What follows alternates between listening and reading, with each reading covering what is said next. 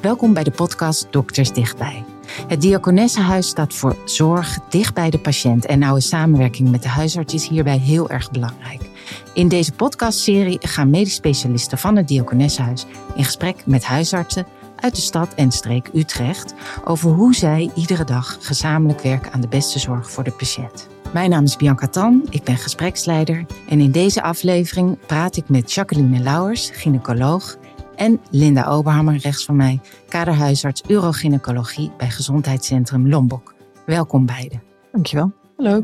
Er is een aantal onderwerpen wat jullie vandaag graag willen bespreken. En ehm, laten we beginnen met de nieuwe richtlijn Sinai's Veen. Wil je uitleggen wat dat is, Jacqueline? Ja, zeker.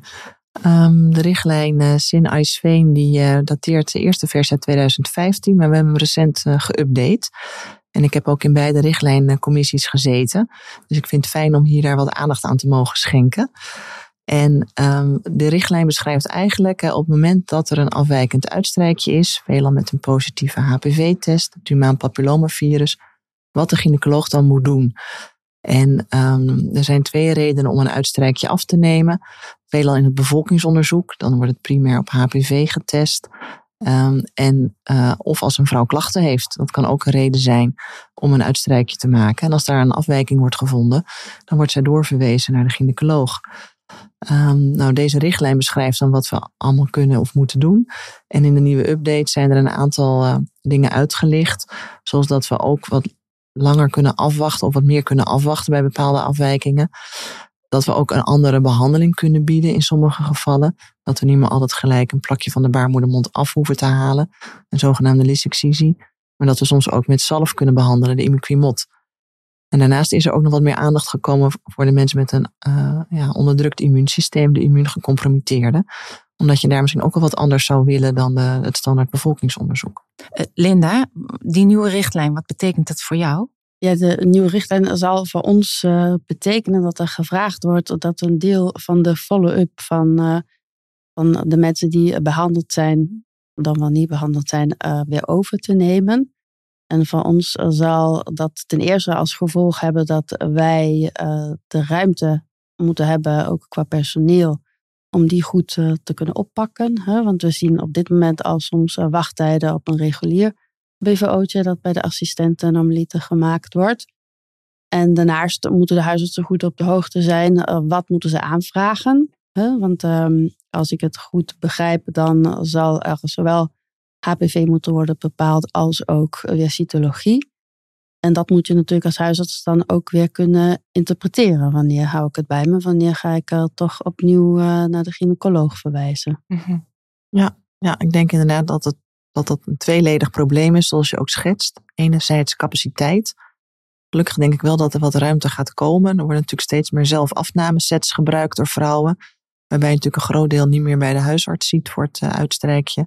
Daarnaast wordt ook het interval van het volksonderzoek wat opgeschroefd. Dat gaat in sommige gevallen naar tien jaar. Dus dat geeft hopelijk wat ruimte. Maar inderdaad, een nieuwe richtlijn die beschrijft dat uh, bepaalde uitstrijkjes ook bij de huisarts verricht zouden kunnen worden. We hebben het expres zo geformuleerd om ook niet de druk op de huisartsen te groot te maken.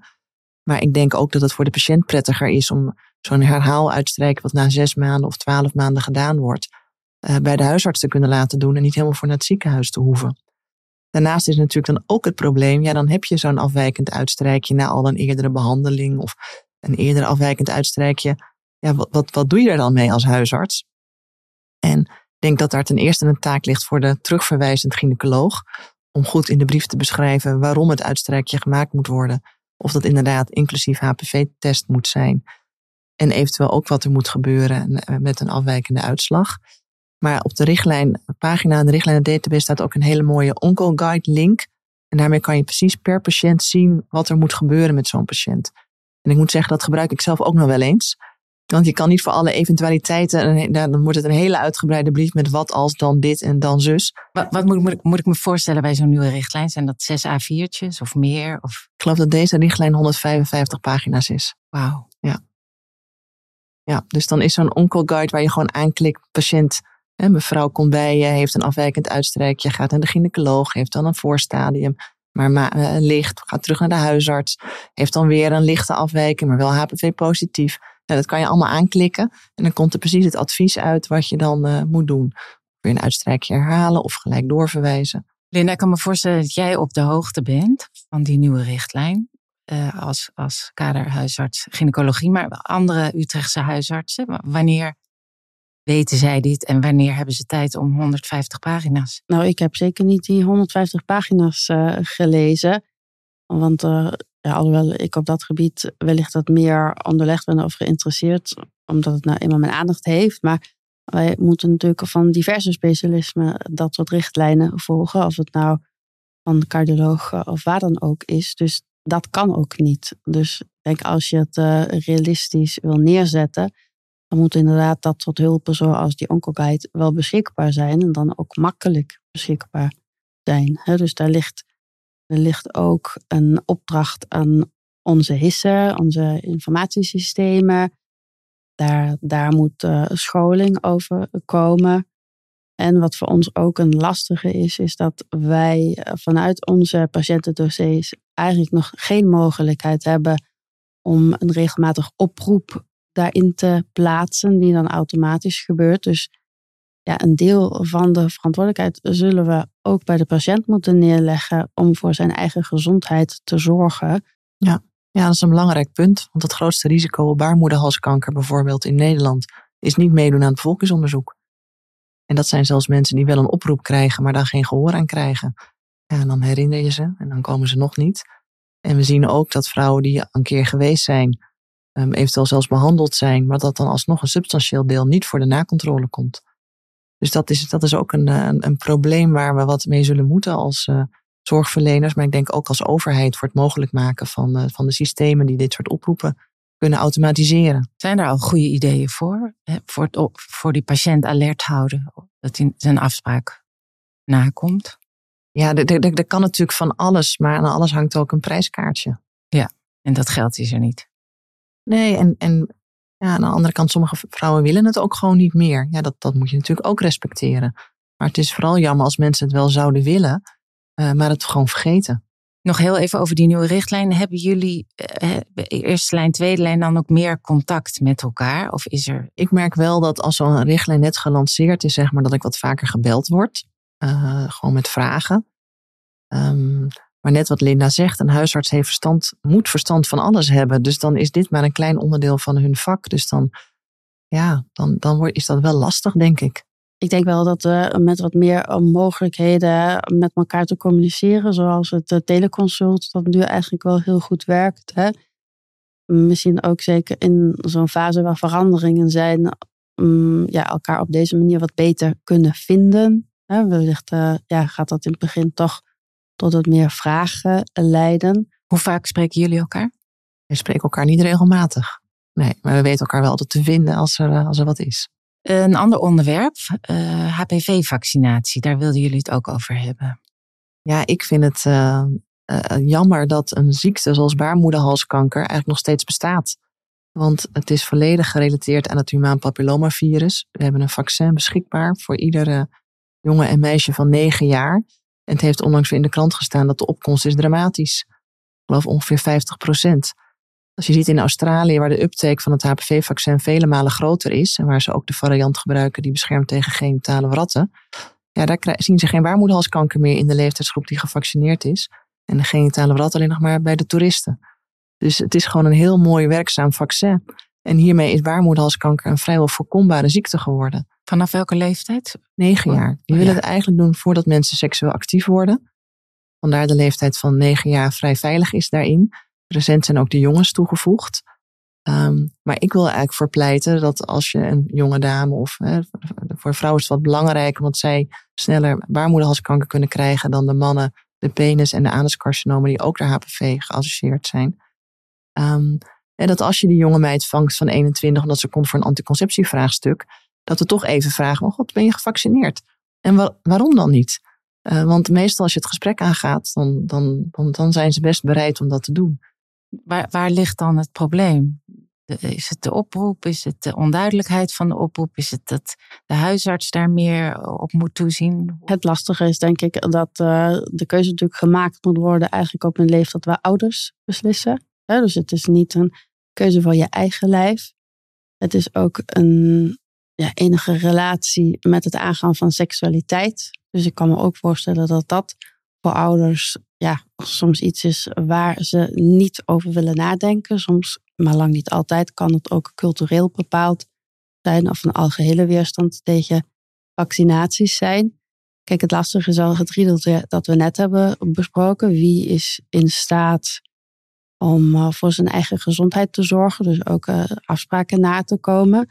Ja, dat is gewoon voor bepaalde bevolkingslagen of uh, groepen lastiger. En dat zijn wellicht ook degenen die juist wat minder snel zullen gaan vaccineren. Ja, dat is nu een hypothese. Maar zo komt eigenlijk een soort ja, van een komt ander. Hè?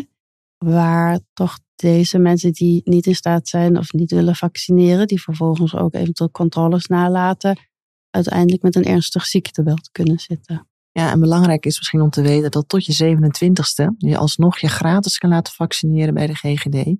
Val je gewoon onder Rijksvaccinatieprogramma. Dus tot die leeftijd is het in ieder geval nog kosteloos.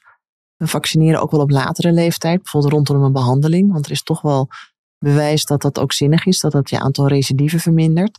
Alleen het zure is dan dat je 450 euro verder bent. En dat zijn eigen kosten. Ja, dan ga ik toch liever een weekendje naar Parijs, hoor ik dan wel eens. Ja, zeker voor studenten eh, of nou ja, mensen die het gewoon niet te breed hebben financieel is dat lastig. Het RIVM gaat inderdaad nu uh, inhalen voor degenen die nog niet gevaccineerd zijn. Ik begrijp in 2022 en 2023 worden er tot 18-jarigen opgeroepen die niet gevaccineerd zijn. En die campagne tot 26 die moet nog opstarten. Um, ja, eh, wij bespreken dat wel eens in de praktijk. Hè? En sommigen laten zich alsnog vaccineren. Maar met drie vaccinaties waar één om nabij 150 euro mee kost. Ja, daar ben je inderdaad toch, uh, daar heb, moet je vind ik wat willen investeren elke uh, casus die je voorkomt, is in ieder geval een stuk goedkoper dan als je mensen moet gaan behandelen. Ik zie aan je gezicht, Jacqueline, dat het je frustreert. Die, die, dat, dat die preventie nog zo uh, onder de maat is. Ja? ja? Ja, ik vind dat gewoon echt een gemiste kans. En je moet je voorstellen dat ik letterlijk tegenover jonge vrouwen zit, wie ik moet vertellen dat ze baarmoederhalskanker hebben. Dat ze dus geen kinderen gaan krijgen. Dat ze een enorm behandeltraject door zullen moeten. En dat gesprek had ik niet hoeven voeren. En dat, ja, dat, dat vind ik gewoon dramatisch. Ja, dat raakt je als arts. Ja. ja. ja. Dus als dat voorkomen kan worden door je drie keer of zelfs nu twee keer te laten vaccineren, dan zou ik zeggen dat is het meer dan waard. En daarom dat ik ook dat meisje dat komt voor de spiraaltje of voor iets anders, toch probeer te motiveren om, hè, laat je nou vaccineren, want dan zie ik je over tien jaar niet met een heel ander probleem. En dan stop je ook gelijk met roken. Die pak ik vaak ook bij. Want uh, misschien, Jacqueline, kan je ons ook nog even toelichten. Want ik begrijp uit mijn eigen ervaring dat er soms verwarring is. Hè? Uh, voor de alseksuele actieve vrouw. Wanneer is het bijdragend en nuttig om alsnog HPV gevaccineerd te worden? Ja, de vaccins zijn echt ontwikkeld voor vrouwen die nog niet seksueel actief zijn. Geen contact hebben gehad met HPV. En vrijwel iedereen loopt HPV ook een keer op. Dat vind ik ook wel belangrijk om te benadrukken. Het is geen SOA. Het is echt iets wat een beetje bij ons hoort. Um, maar niet bij elk eerste of tweede seksueel contact loop je HPV op. Dus als mensen nog maar net seksueel actief zijn, ja, dan kan je best overwegen om te vaccineren. Um, je kan ook eerst kunnen testen. Je kan kijken of mensen geen HPV hebben, HPV negatief zijn en dan vaccineren. Op het moment dat ze een HPV hebben, een type 16 bijvoorbeeld, dat is het meest voorkomende hoogrisico HPV, ja, dan is dat vaccin niet zinnig tegen die infectie dan zal het ook niks doen om op dat moment baarmoederhalskanker te voorkomen als dat daartoe zou leiden. Maar je vaccineert wel tegen infecties met, tegen andere types. Dus ook latere leeftijd is een onderzoek geweest eh, waarbij ze vrouwen vanaf 26, ik geloof dat de oudste 85 was, hebben gevaccineerd. Ja, dan zie je wel dat het minder werkzaam is, maar nog steeds werkzaam kan zijn. Daarnaast zijn er nu ook nieuwe onderzoeken dat we ook vaccineren, dus rondom een behandeling. Zie je minder recidieven optreden. Dus ook dan is het zinnig om te vaccineren. En hoe, is het, hoe kan je dat beredeneren dat het omtrent een behandeling wel zinvol is? Want je, ik stel me zo voor dat het toch met klaring te maken heeft. Is dat niet zo? Ja, ik denk het wel. Het is niet helemaal opgehelderd wat het biologische mechanisme is. Maar wat je doet bij een behandeling is dat je de transformatiezone van de baarmoedermond verwijdert. Dat is de voorkeurslocatie van het virus. Maar op het moment dat mensen HPV-positief zijn, dan zit het overal. Ook op het hele genitale gebied, in de anus, in de plasbuis. Ja, dat kan ik niet allemaal wegsnijden. Um, dus dat eigen immuunsysteem zal toch na die behandeling, waarbij ik enorm de viral load verlaag, uh, dat restje op moeten ruimen. En het idee is dat zo'n vaccin dan toch dat immuunsysteem boost en je helpt om dat virus te klaren. Want dat is ook altijd wat ik mensen probeer uit te leggen. Ik kan wel behandelen en die afwijkende cellen wegsnijden. Maar wat jou echt beter gaat maken is als je dat virus kwijtraakt. En daarom moet je ook nog stoppen met roken. Want dat, ja, dat virus kwijtraken kan ik niet voor je doen. En uh, ja, dat is wel eens lastig voor mensen. Ze zeggen, maar ik ga hier nog, ik word toch geopereerd, ik krijg toch een ingreep. Ik zeg, ja, dat gaat je wel helpen, maar je zult toch ook een stuk zelf moeten doen. Immuunstoornissen.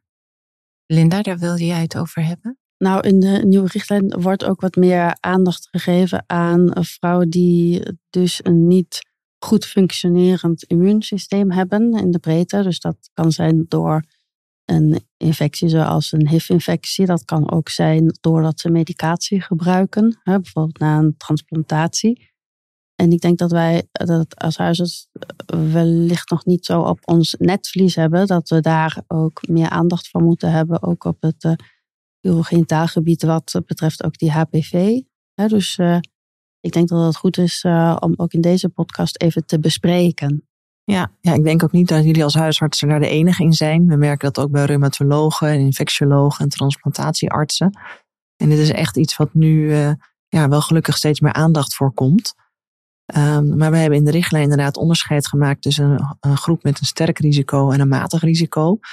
En ik denk dat die hoge risicogroep, dat is echt een, een uitzondering. Dat zijn patiënten met een HIV die eigenlijk slecht zijn ingesteld. Die zul je niet vaak tegenkomen, denk ik. Maar de matig verhoogde groep, ja, die komen toch eigenlijk best vaak tegen. Want dat zijn mensen die bijvoorbeeld een niertransplantatie gehad hebben. Uh, maar ook patiënten die medicatie gebruiken voor SLE of voor reuma. Voor sommige uh, darmziektes bijvoorbeeld. Uh, de, de, de mapjes, zoals ik ze vaak samenvat.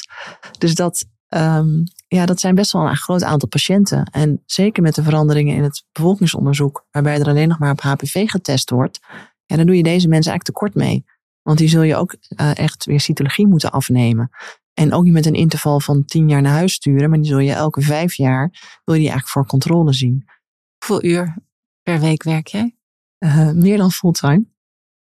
Ja, en hoeveel uh, gevallen zie je waarvan je dacht, had, had je maar, of was er meer preventie geweest dan had dit nare je niet hoeven overkomen? Nou, misschien wel de helft van mijn patiënten. Wauw. Ja. Een zwaar beroep. Ja, maar ook heel mooi. Want ik kan ze vaak wel helpen. Ja. Maar dat mijn, mijn droom is dat ik uh, over twintig uh, jaar werkloos thuis zit, omdat het niet meer hoeft. Dan ga ik gewoon een bonbonwinkel beginnen of zo. Plan B. Hoe is de contact tussen de eerste en de tweede lijn? Ik ervaar het contact zeker de afgelopen jaren. En dat heeft misschien met het feit te maken dat ik ook niet meer de net klare jonkie ben. Hè, maar ook in de breedte, denk ik, ervaar ik het contact als uh, zeer prettig.